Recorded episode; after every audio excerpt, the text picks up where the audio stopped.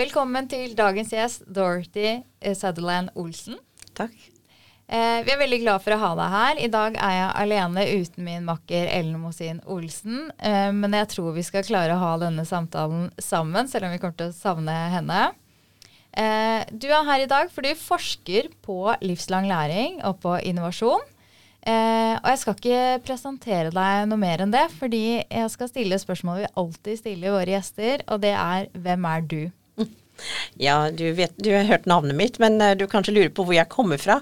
Jeg kommer opprinnelig fra Skottland, uh, men jeg har bodd i Norge i ca. 30 år. Så jeg, jeg, tror jeg kan norsk uh, forholdsvis bra. Ja. Håper dere forstår meg. Absolutt. Men det er mulig at noen lurer på aksenten min, så da vet dere at jeg er fra Skottland. Ja. Ja. Men jeg kan si litt om uh, min arbeidserfaring, fordi jeg har ikke en sånn typisk forskerkarriere. For jeg har jobbet i næringsliv i mange år, uh, både i Norge og i utlandet. Og når jeg var over 40, uh, tok jeg meg litt fri fra jobben for å ta en doktorgrad. Og så begynte jeg å forske etter det. Og da forsket jeg på innovasjon og på voksenlæring. Så jeg er ansatt på et forskningsinstitutt som heter NIFU i Oslo. ja. Eh, hva står NIFU for? Nordisk institutt for studier innen forskning, innovasjon og utdanning. Ja. Eh, og eh, du har forsket på, på, livslang læring, eller læring i arbeidslivet. Eh, og det mm, er jo et begrep vi hører eh, stadig mer om. Vi hører det er liksom livslang læring er viktig nå, læring i arbeidslivet er viktig nå. Og så lurer jeg på har det, har, ikke, har ikke, alltid vært læring i arbeidslivet? ja, det har alltid vært læring i arbeidslivet. Men begrepet livslang læring det, det tolkes litt forskjellig avhengig av hvem man snakker med. Fordi noen uh, tolker det bokstavelig at det går fra, fra barndom til, uh, til, man er uh, senior eller eldre. Men, og andre snakker om livslang læring er bare voksenlæring. Og noen snakker om det som visse faser. Men uh, begrepet tror jeg har kommet til, er blitt brukt mest av politikerne, som snakker om å, å tilrettelegge for livslang læring. Så det er mer et begrep mm. som kanskje ikke har så, så veldig mye praktisk uh, bestandig bak det. Mm. At det er mer et sånn um, oppmuntring til at uh, samfunnet skal gjøre noe for, for, å heve kompetanse utenom utdanningssystemet. Men når dere forsker på livslang læring, hva forsker dere på da? Er læring gjennom hele livet, eller er det i er det voksenlivet? Eh, på instituttet forsker vi på alt fra barnehagelæring til eh, seniorlæring. Mm. Men eh, for, for, min egen del forsker jeg på, på voksne, og helst i arbeidslivet. Ja. Eh, og man, man, har alltid lært eh, Altså arbeidslivet har alltid vært en læringsarena. Er, du enig i det, eller er det mer av det nå enn tidligere? Jo, det har alltid vært et læringsarena, men vi er kanskje mer bevisst på visse deler av det enn det, vi var før. Ja. Fordi det er noen um, bedrifter som er veldig opptatt av å, å, ansette folk når de trenger ny kompetanse. Mm. Mens andre ser mer på de, de, de har ansatt allerede, og tenker hvordan kan vi utvikle disse ansatte til å møte nye utfordringer i fremtiden. Ja, og da lurer jeg på hvordan, eh, hvordan utvikler man seg, da? Eller hvordan utvikler man de ansatte? Altså Én ting er jo eh, det selvsagte som, som kurs og, og, og utdanning. Eh, men hvilke andre læringsarenaer er det i arbeidslivet, på arbeidsplassen. Mm.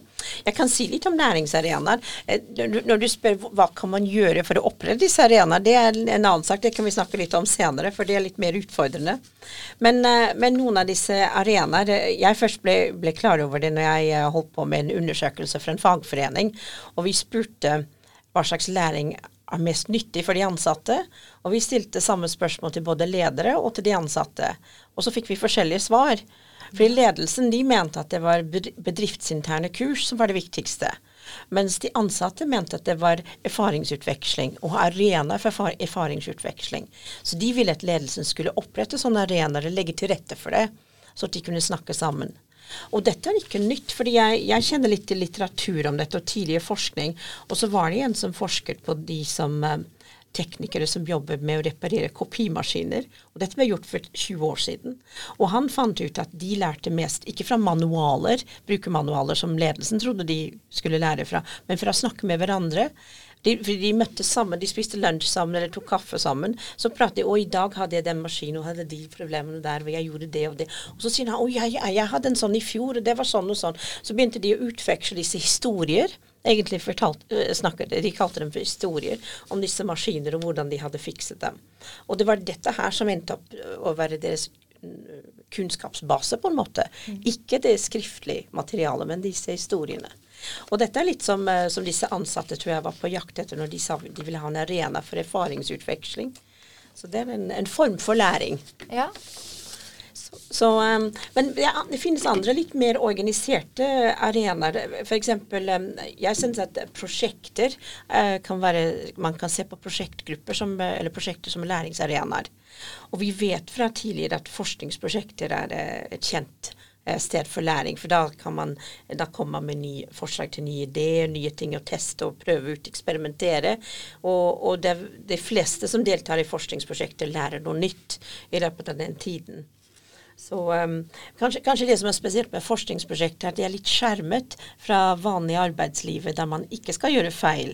Der man skal kanskje følge regler. Men det er en forskningsprosjekt. Du blir ikke belønnet for det, du blir belønnet for å finne noe nytt. For å utforske? Ja, for å utforske, ja. ja. Uh, så, så det, det, det, det, tror jeg er kanskje er viktig grunn til at det er så vellykket som læringsmiljøer. da. Men så har vi også andre prosjekter som ikke er forskningsprosjekter, som kan være nyttige som uh, læringsmiljøer. Og jeg hadde et prosjekt under, under, pandemien der vi intervjuet noen innenfor helsevesen. Uh, og hun sa at hun hadde lært mest fra å delta i et prosjekt som er et samarbeid med kommuner og leverandører av helseteknologi og pasientombud. Så det var disse forskjellige aktører som kom sammen. Jeg husker ikke hva målet med prosjektet var, men det, de skulle utvikle et eller annet. Men hun sa at det, det ga henne et helt annen innsikt i hvordan de andre tenkte på helsespørsmål. Fordi hun visste ikke hvordan kommunene tenkte på det, eller hvordan leverandørene tenkte på det. Så hun sa at det var som å få titte inn i en annen verden, egentlig. Så hun følte at hun lærte veldig mye bare for å komme i kontakt med disse andre og med samme tema. Så det var et prosjekt. Så um, jeg vet at det finnes noen organisasjoner som, som, gjør noe bevisst med dette. De tar yngre arbeidstakere og plasserer dem i prosjekter for å sørge for at de får Eh, bekjent med kanskje ny en ny teknologi som er under utvikling i prosjektet, eller et nytt produkt som utvikles i prosjektet. Så da kan disse yngre få en litt mindre, vikt, en mindre viktig rolle i prosjektet, men så, samtidig kan de lære fra de andre mens de jobber der. Så det er kanskje noe ledelsen kan mm. gjøre. Men uh, man kan også se på arbeidsplassen generelt som en læringsarena. fordi da, da, da har vi dette konseptet som noen har kanskje hørt om, som heter 70-2010 og dette er et konsept som kommer fra USA om uh, at uh, ca. 10% av det, den kompetansen vi, vi bruker i arbeids, arbeidslivet, uh, kommer fra formell utdanning. Bare 10 Det er litt av en tankekors. Og så 20% mener de kommer fra vårt nettverk, kontakt med andre. Og hele 70% kommer fra de arbeidsoppgavene som vi jobber med. Nei, det, dette er ikke noe vitenskapelig konsept, dette 70-2010. Det kommer fra konsulentbransjen i USA. Men det har blitt tatt i bruk i ganske mange bedrifter i Norge og i andre land i Europa. Uh, og noen av dem jobber veldig bevisst med det og prøver å finne uh, måter å, å, eksponere de ansatte for ulike, ulike problemstillinger i arbeidslivet. Uh, mens andre bare lar det skje mer av seg selv. Oppretter disse miljøer og forventer at det skjer av seg selv.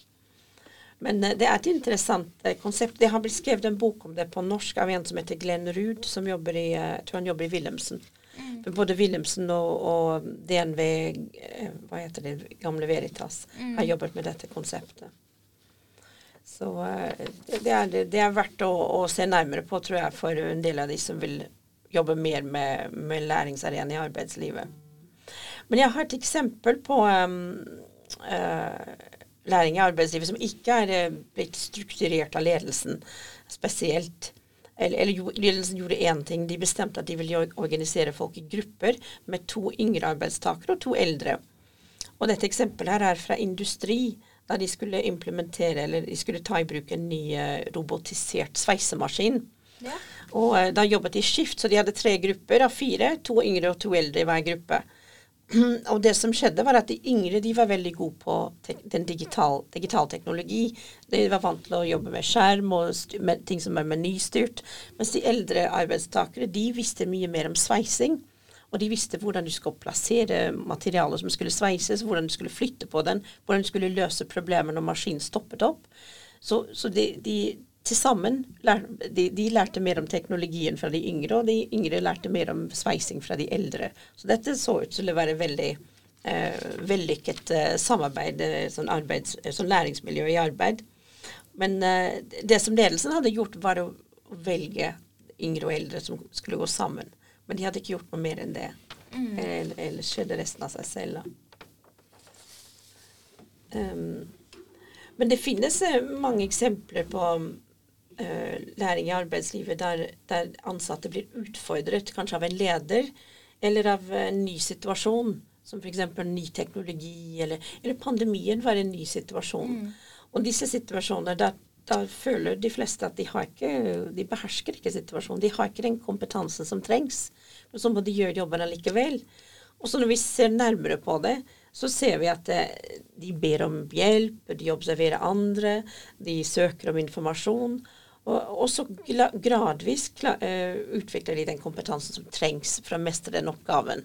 Mm. Uh, men det er et par ting her du sier som uh, En ting er liksom du var inne på dette med prosjekt, og sette sammen yngre og eldre arbeidstakere, og, og, at læringen da skjer. Det jeg tenker da, er at ofte når man har en prosjektgruppe, så er det personer fra ulike avdelinger i, i virksomheten. Altså det er eh, det er et faglig mangfold ofte. Mm. Da, eh, og da lærer man. Og det samme er det du var inne på nettverk og lære av hverandre erfaringsutveksling. Det er liksom noe av det litt det samme. ikke sant? Det er noen andre som gjør litt av det du gjør, har noe forståelse for det du gjør, men ikke akkurat det samme som du gjør. Og så drar man veksler på hverandres eh, eh, kompetanse og erfaringer. Og så er det ofte sånn i, i, i et prosjekt, da, så har man en sånn uh, forprosjektering eller en fase hvor man utforsker litt. Det er liksom tilrettelagt for å utforske litt, der man eh, stiller sånn åpne spørsmål eh, og undrer seg litt over hvordan kan vi få dette til sammen. Eh, og, eh, og jeg sånn, fokuset mitt er litt, litt også på hva kan lederen her gjøre? for å skape, tilrettelegge for at den læringen skjer. Da. Og kanskje lederens uh, hovedoppgave i, i, for, for, å få til det, er hvordan man setter sammen teamene eller prosjektgruppa, som du var litt sånn inne på mm. at lederen kan gjøre. Hvordan eh, får man inn de perspektivene man trenger for å løse den oppgaven på, på, en innovativ måte, eller på en måte som ikke er blitt gjort før? Mm. Jo, da må man sette sammen ulike perspektiver eh, og gi dem en oppgave å løse. Og så vil de også lære, lære av hverandre. Og så tenkte jeg på det med nettverk. altså Det var det der med var det 20% av nett, eh, læring kommer fra nettverk, 10 fra utdanning og eh, 70% fra arbeidsoppgaver. Ja, men så noen ganger så, eh, eh, noen ganger så kan på en måte Man kan få det nettverket via utdanningen, eller man kan få det nettverket eh, via et kurs, eller man kan få det nettverket eh, ved å, ved, å, delta på en konferanse. Så det, mhm. det å er ikke for, for alle, er ikke, alle er ikke så heldige at de har det nettverket av seg selv, så man må oppsøke det, da, eller mm. skape det. Mm. Jo, vi vet fra, spesielt fra innovasjonsforskning at det med mangfold i et miljø skaper innovasjon. Mm. Fordi man, man, blir utfordret av andre og andre synspunkter hele tiden. Eh, og, men ofte krever det litt mer. Det kan være, skape mer konflikt i et miljø. Og noen ganger tar det lengre tid å komme fram til en løsning. Så kanskje hvis man skulle si hva, hva en leder skal gjøre, da må lederen være litt villig til å la gruppen bruke litt tid på å, å komme seg fram til løsninger det er en veldig vanskelig balansegang når, når, det gjelder bottom line og hva, hva, hva ting koster, tid koster og sånn. Men, men hvis, de, hvis, de, ser at det er behov for kompetanseutvikling, så, så vil det ta tid. Ja. Uh, og, de, og, de, må, må, la alternativene kanskje vokse opp samtidig før de velger den rette ja. i et prosjekt. Mm. Uh, og så er det så litt sånn inne på det var det der med den praten, jeg tror, altså den erfaringsutvekslingen med kolleger. eh, den kaffepraten hvor man Mm. forteller hverandre hvor man løser oppgaver. Og, der, eh, og det er veldig verdifullt. og det, man, man må tilrettelegge for eh, slike samtaler på jobben med, ved at det er tid for det. Mm. Det er satt av tid til det, til å snakke sammen. Eh, og det må man også tenke på for de som jobber eh, remote, eller utelukkende, eh, altså utelukkende digitalt. Mm. At man setter av tid til å prate sammen uten at det er en møteagenda Mm. på Zoom eller Teams eller hvor enn det er, eller på telefon. Mm. Eh, men eh, så tenker jeg det, det er litt sånn vanskelig ting for en leder å si sånn eh, For i, i, ofte så vil man iverksette tiltak, og så vil man vise vi iverksatte dette tiltaket, vi fikk til dette. Eh, og det kan være litt vanskelig i den sammenhengen der, selv om man vet at det er så viktig. Men så tenker jeg men det er jo kanskje, kanskje du kan si noe om hva vi har gjort Du kan måle kulturen eller medarbeidertilfredsheten eller eng- engasjementet, eller hvor mye man vet om hverandres måte å løse oppgaver på. da. At du ser resultatet i slike målbare ting. Ja, jeg har ikke så mye erfaring med, med disse miljøundersøkelser, men eh, det, det går an å utvikle undersøkelser der man kan måle uh, arbeidsmiljø, og da kan man finne ut om det er et lærende miljø, lærende organisasjon eller ikke. Så, så det bør være mulig. Man kan også kanskje måle noe av det som kommer ut. Da, Hvis, man, hvis innovasjon er noe man er interessert i, da kan man måle innovasjoner som kommer ut av et, et slikt miljø. Da må man vite om det er et lærende miljø eller ikke. Ja. Så da har du vært inne, du var inne på prosjekt. Eh, erfaringsutveksling i uformelle, eh, uformelle situasjoner på arbeidsplassen. Eh, er det andre læringsarenaer? Ja, jeg var litt inne på dette her å bli utfordret av eh, endringer og nye ting, uforventede ting som skjer. Eh, jeg, jeg leder et prosjekt nå som heter eh, Utdanning for de uforutsette.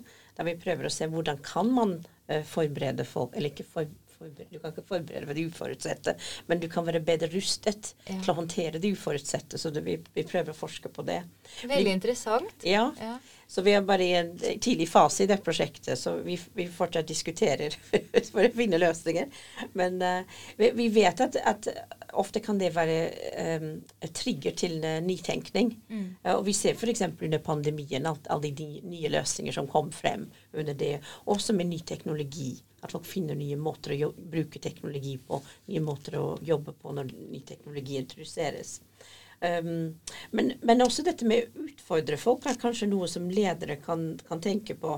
For Jeg hadde et eksempel på et intervju med et sykepleier som uh, hun var veldig sliten, og fysisk sliten, og, og hadde lyst til å slutte jobben. Men uh, eh, lederen hennes ba henne om å gjøre én oppgave til før hun sluttet. Og det var å opprette en ny avdeling som skulle utvikle kompetanse for sykepleierne.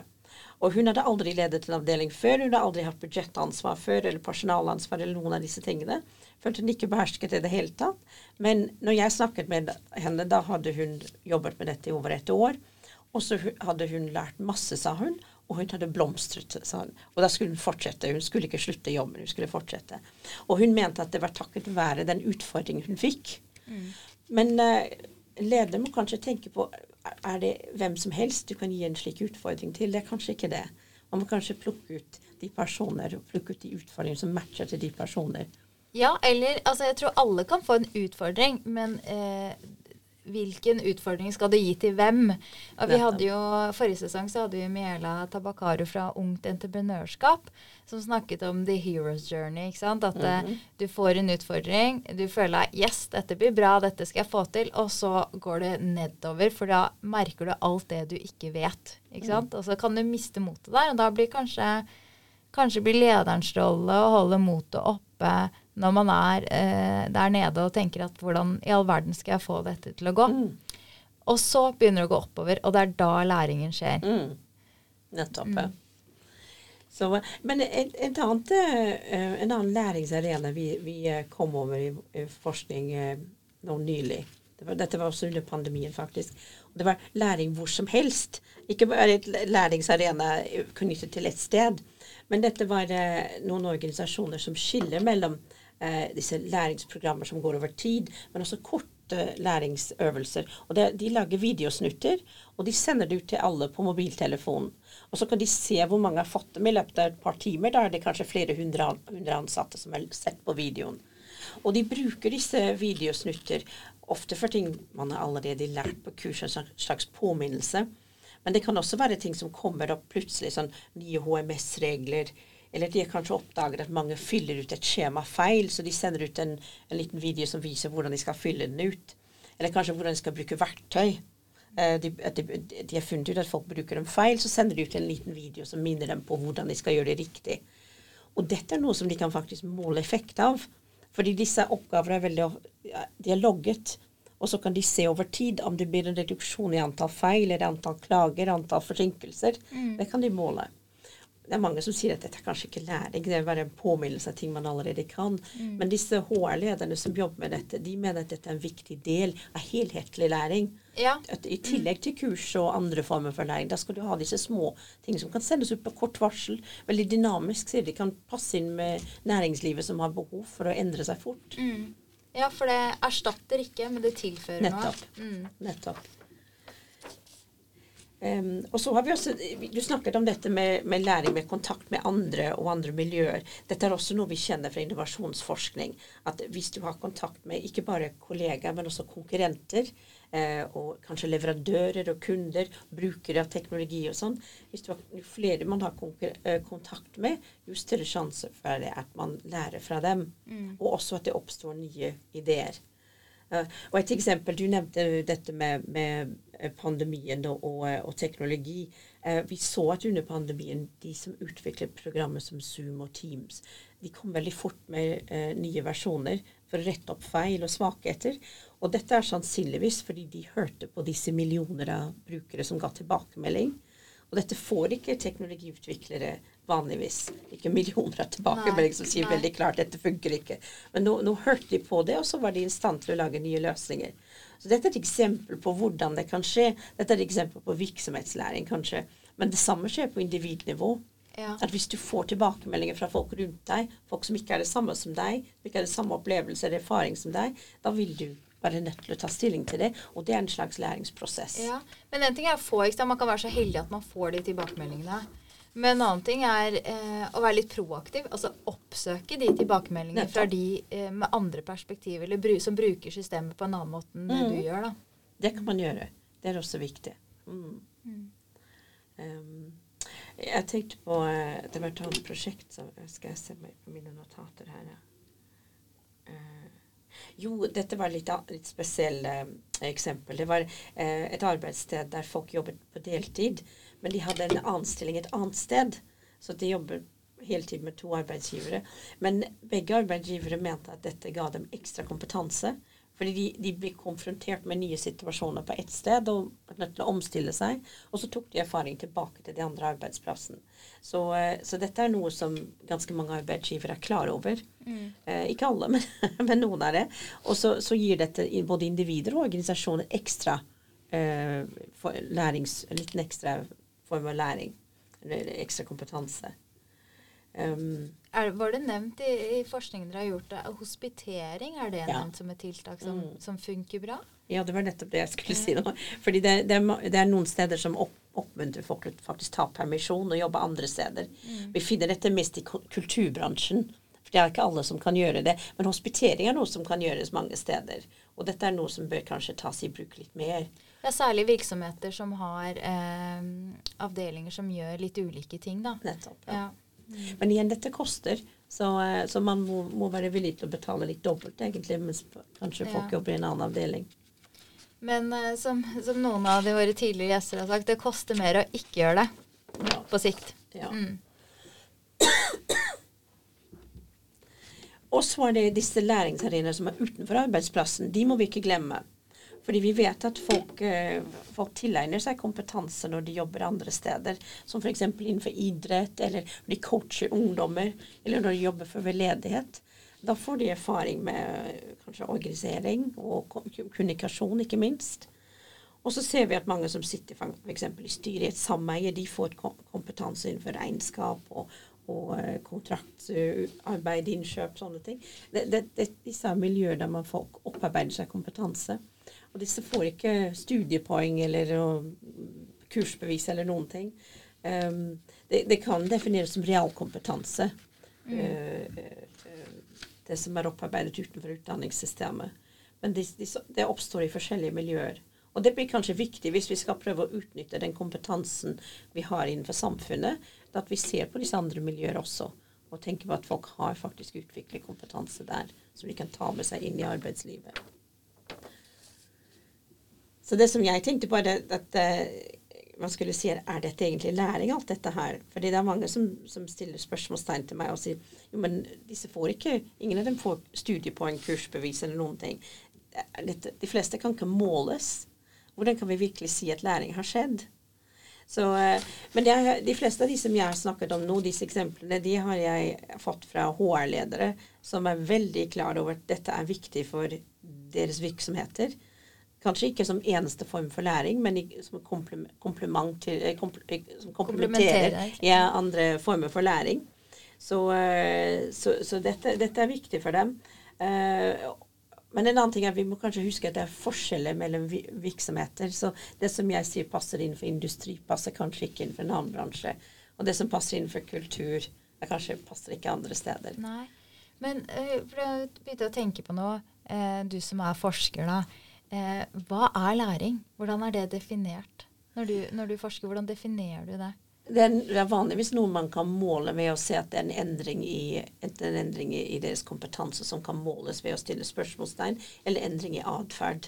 Mm. Så, så, læring består som regel av en, uh, at du tar inn informasjon, og så blir det en sånn refleksjonsprosess som skal resultere i, i læring. Ja, for det er jo ikke nok å gjengi informasjon du har fått, eller å gjengi kunnskap. Er det læring da? Eller må du kunne eh, bruke det til noe? Jeg ville si at man skal kunne bruke det, ja. ja. Men det finnes forskjellige former for læring. Det er, det, det er som praksisbasert læring og mer teoretisk læring. Det er mm. forskjellige måter å lære på.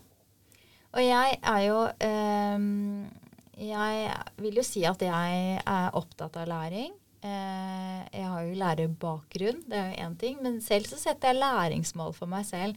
Aldri hatt noe karrieremål, men jeg har ofte læringsmål. Jeg ønsker å utvikle meg. Eh, og, og, opptatt av uh, læring i uformelle arenaer. ikke sant? Trenger ikke å være organisert løp. Men eh, jeg vil jo si at de, de mer eh, formelle løpene også er en del av livslang læring. da. Altså, u, u, det, det, er ikke det at det erstatter utdanning, det erstatter ikke kurs. Det, men, men vi må tenke bredere enn som så.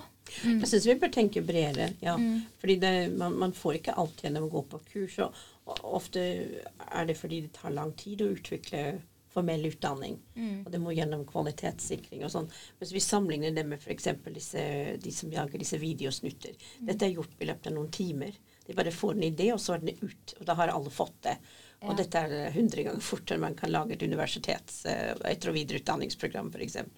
Ja. Så, så, man må kunne ha forskjellige alternativer, avhengig av hvor fort eh, kunnskap må, må, må utvikles. Ja, og tema også. Mm. Ja. Og så er det noe med det å Jeg tenker sånn Si jeg ser en video, da, så er kanskje ikke Det er kanskje ikke Eller går på kurs det, det er ikke, Læringen skjer ikke der og da. Men da har jeg fått noe Jeg har fått kunnskap. Jeg har fått noe informasjon. Og så skjer kanskje læringen når jeg prøver å ta det i bruk i mm. min jobbsituasjon. Ja, da, da, begynner jeg å lære. Mm. Da utforsker jeg. Og så tilpasser jeg den informasjonen den kunnskapen jeg har fått, til min, mitt bruk mm. og min arbeidshverdag. Mm. Og da kan man si at da har læringen skjedd. Mm. Og så var du inne på noe som jeg, jeg syns er litt interessant å snakke litt om, og det var dette med bedriftsinterne kurs. Eh, ledere ofte de iverksetter tiltak som bedriftsinterne kurs. Eh, og så er det ikke nødvendigvis det de ansatte Nei, det var det lederne hadde svart på undersøkelsen. Mm. Eh, var viktig, men det var ikke det de ansatte hadde svart. Mm. Eh, vil du da si at eh, Fordi man tenker ofte på bedriftsinterne kurs som noe eksklusivt. Eh, vil du si da at kurs hvor man møter andre, altså konkurrenter eller andre som gjør tilsvarende som deg, eh, har mer for seg? Det er litt avhengig av hva, hva man ønsker å, å, få ut av disse oppleggene, disse kursene. Kanskje det kunne vært noen modul, at man, eh, at man gjør noe av det eh, med bare ansatte fra den bedriften, og så gjør man en del om man går ut og snakker med andre. Det samme som noen eh, programmer, som vi pleier å kalle dem. Da, da har de en blanding av mer teoretisk eller klasseromsundervisning. Og så har de noen praktiske oppgaver som de gjør før neste samling, f.eks. Da kunne man kanskje gjort noe annet. eh, det- At man blander litt læringsformer. Ja. Så et, det jeg liksom sitter igjen med nå, er at eh, det jeg som leder kan gjøre for å, for å tilrettelegge for læring, er å gjøre det trygt å feile og utforske og stille spørsmål. Eh, tilrettelegge for at folk med ulik eh, bakgrunn, faglig kompetanse, eh, ulike, i ulike faser i yrkeslivet får jobbet sammen og dratt nytte av hverandres kompetanse.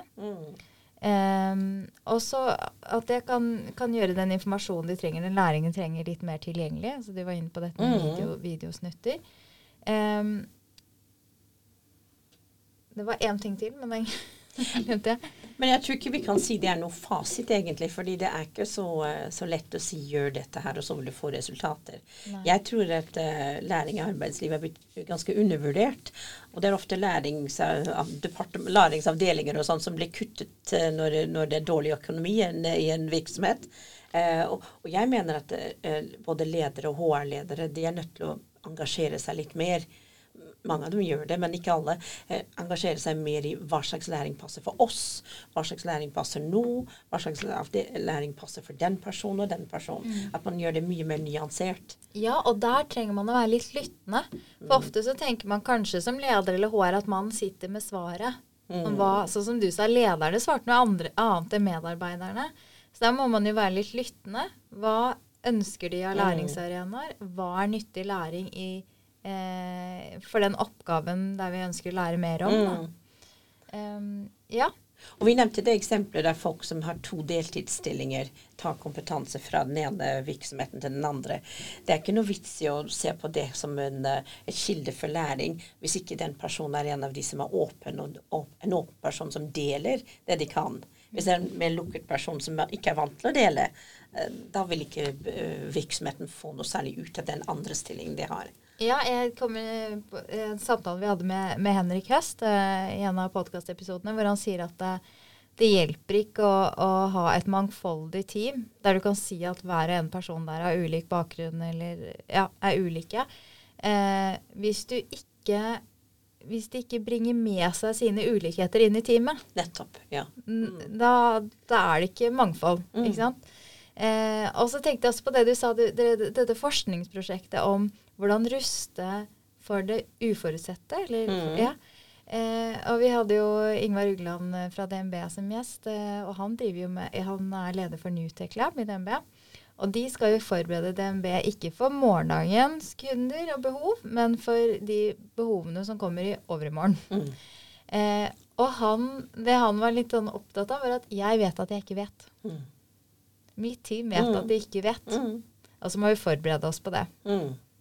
Eh, og at vi ikke skal være eksperter på det vi driver med her og nå, det er ikke så viktig. For det vi driver med her og nå, vil være utdatert om et år, kanskje. Mm. Så, og det synes jeg var sånn interessant vinkling, for veldig ofte også inn på rekruttering. da, Når man rekrutterer, så tenker man sånn Oi, vi har, et, vi har en rolle. Mm. Altså skal man finne den personen som har perfekt match for den rollen. Men vi vet jo at i dagens arbeidsliv i dag, så vil jo den en rollen være endret Mm. om et år. Så egentlig bør vi rekruttere folk som er interessert i å lære å utvikle seg hele tiden. Mm. Det ville vært det ideelle. Ja. Eh, men kan jeg spørre, hva syns du om sånne mm, formelle læringsløp eller tiltak eh, som, som arbeidsplasser setter i gang med? Altså, man kan søke, søke, søke om stipend for å ta videreutdanning. Er du tullete? Nei, det er, nei, det er, det er ikke tullete, det, og det syns jeg ikke vi skal kutte ut. Det er veldig viktig at man har det. Men en av fordelene med, med det formelle, vi må innrømme at det, det er det at det er godkjent. At du får et stykke papir som sier at du har vært der, væ- vært på det kurset, du har blitt målt på det nivået.